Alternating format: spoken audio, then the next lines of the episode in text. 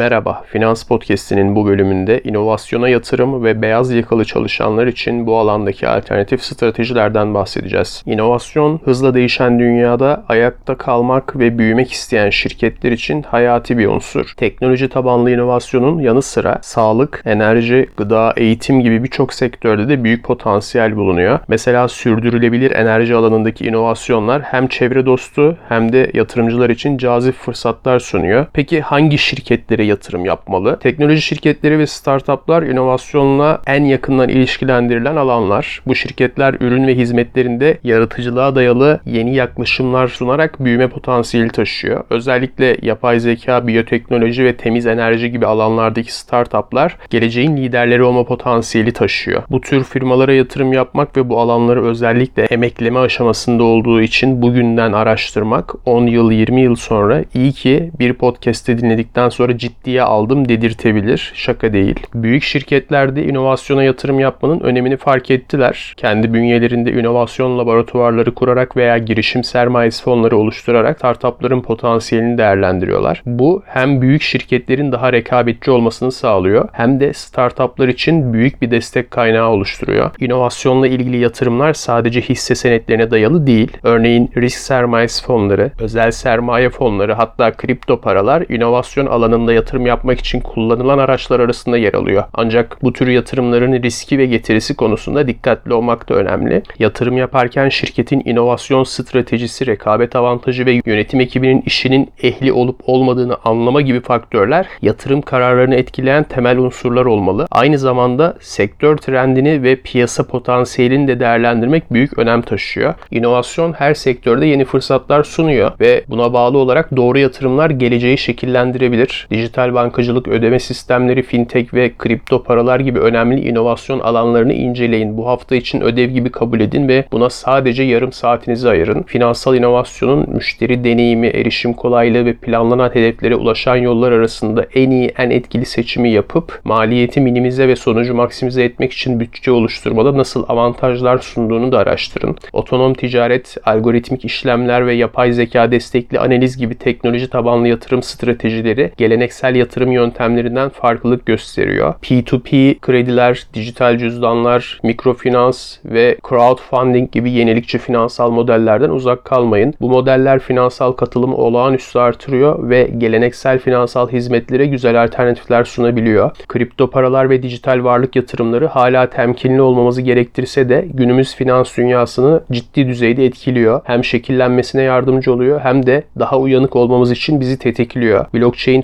teknolojisinin finansal işlemlerdeki rolü gittikçe artıyor. Bitcoin, Ethereum ve diğer popüler kripto paraların veya altcoin'lerin geçmiş döngülerine bakın ve yatırımcılar için gelecekte nasıl bir potansiyel sunduklarını görmezden gelmeyin. Ben öyle alengirli işlerden anlamam demeyin. Akıllı davranarak riskleri yok saymadan bu alanlarda yatırım yapmasanız bile okumalar yapın. Bu bugün sizin zamanınızda olan üstelik bu finans podcast'ini dinleyecek bilince sahipken etrafında olduğunuz bir şey. Gelecekte biz de duyuyorduk ama işte bilemedik onu biz dememek için mutlaka bir bakın. Ben 10 yıldan uzun süredir kripto paralardan haberdarım ve sadece 6-7 yıldır bu alanda yatırım yapıyorum diye kendimi bile geç kalmış kabul ediyorum. Ancak bu ben yatırım yapıyorum diye siz de yapın demek değil. Aradaki farkı ne demek istediğimi anladığınızı düşünüyorum. Bunun yanı sıra sürdürülebilir sektörlere yatırımlar çevresel ve toplumsal sorunların çözümlerine de katkı sağlıyor. Bu alanlarda faaliyet gösteren firmaların bundan 5 yıl sonra nerelere gelebileceğini görmek için sanıyorum ki lisanslı bir falcı olmaya gerek yok. Hem bu sayede pozitif bir değişime katkıda bulunmak da mümkün olabilir. Yatırım yapmamız gereken olgular ve yatırım yapma şekilleri de diğer sektörler gibi inovasyonla şekilleniyor ve teknoloji geleceğin yatırım yöntemlerini belirleyip finansal olarak özgürleşme alternatiflerini artırıyor. Beyaz yakalı bir çalışansanız teknoloji zaten muhtemelen hayatınızın bir parçası. Veri analizi, kodlama temelleri ve yapay zeka anlayışının finansal yolculuğunuzda sizin için nasıl değer yarattığını az veya çok biliyorsunuzdur. Bu becerileri geliştirmenin yollarını araştırın ve neredeyse her gün bu alanda çıkan yeni araçlardan öne çıkanları en azından deneyimleyin. Sadece yapmış olmak için değil, o aracın sizin için çalışmasını sağlayacak yollar bulmak için bunu yapın. Bu konuda benim neler yaptığımı, yapay zeka ve kodlamanın benim yaşantıma nasıl kolaylıklar kattığını, neleri değiştirdiğini ilerleyen bölümlerden birinde özel olarak anlatacağım. Yeni fikirler, teknolojiler veya iş modelleri üzerine odaklanan ve yüksek risk getirip profili taşıyan bir yaklaşım olsa da inovasyona yatırımı değerlendirin. Teknolojinin hızla geliştiği bir çağda yaşıyoruz ve bu alanlar yatırımcılar için heyecan verici fırsatlar sunuyor. İnovatif yatırımların getiri potansiyeli büyük olsa da unutulmaması gereken önemli bir faktör de riskler. Çünkü bu tür yatırımlar genellikle daha önce denenmemiş alanlara yapıldığından başarısızlık riski yüksek olabiliyor. Yatırımcılar potansiyel getiri ile bu riskler arasındaki dengeyi dikkatlice değerlendirmeli. Bu bölümde şu ana kadar anlattıklarım da bu risklerden korunmak için yapabileceklerinizin bir özeti aslında. Zaten bunların çoğunu yaptığınız ve şimdi sırada ne var dediğiniz bir aşamadaysanız özellikle startuplar ve girişimler gibi küçük ölçekli şirketlere dikkat kesilmenizi önerebilirim. Bu şirketler genellikle büyük bir büyüme potansiyeli taşıyan inovasyonlar üzerine kuruluyor ve kitle fonlama ile destek toplayabiliyor. Yatırımcı olarak yeni fikirleri destekleyerek geleceğin liderlerine yatırım yaparak belki de bir iki iyi hamleyle geleceğinizi kurtarabilirsiniz. Çok kısa süre önce çıkan bir haberde denk gelmiş olabileceğiniz gibi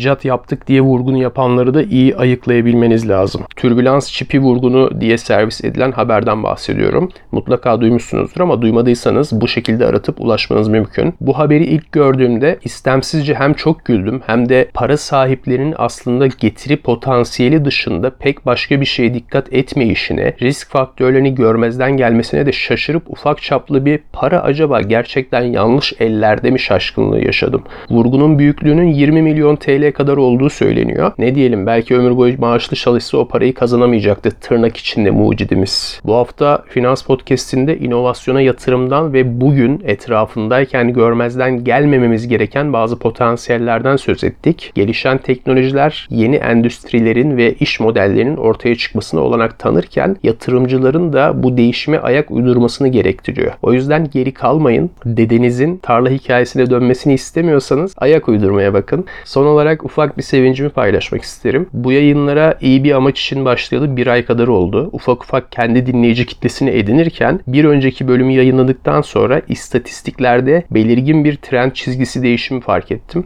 Sebebini araştırınca Apple'ın keşfet sayfasında yeni ve dikkate değer podcastler başlığı altında Finans Podcast'ini en üstte önerdiğini gördüm. Finans Podcast'i an itibariyle ait olduğu yatırım ve iş kategorilerinin her ikisinde de en popüler birinci podcast konumunda. Tüm kategorilerdeki podcastler sıralamasında da yıllardır devam eden köklü podcastler arasında 16. sıradaydı ben bunu kaydederken. Hem bu bölüme kadar dinleyenlere hem de yeni gelenlere ilgileri için çok teşekkür ediyorum. Podcast hakkında geri bildirimlerinizi de merak ediyorum. Dinlediğiniz platformda olumlu ya da olumsuz bir değerlendirme girmeniz yararlı olacaktır. Önümüzdeki bölüme kadar bana sosyal ağlarda Finans Podcast'i kullanıcı adıyla ulaşabilirsiniz. Görüşmek üzere.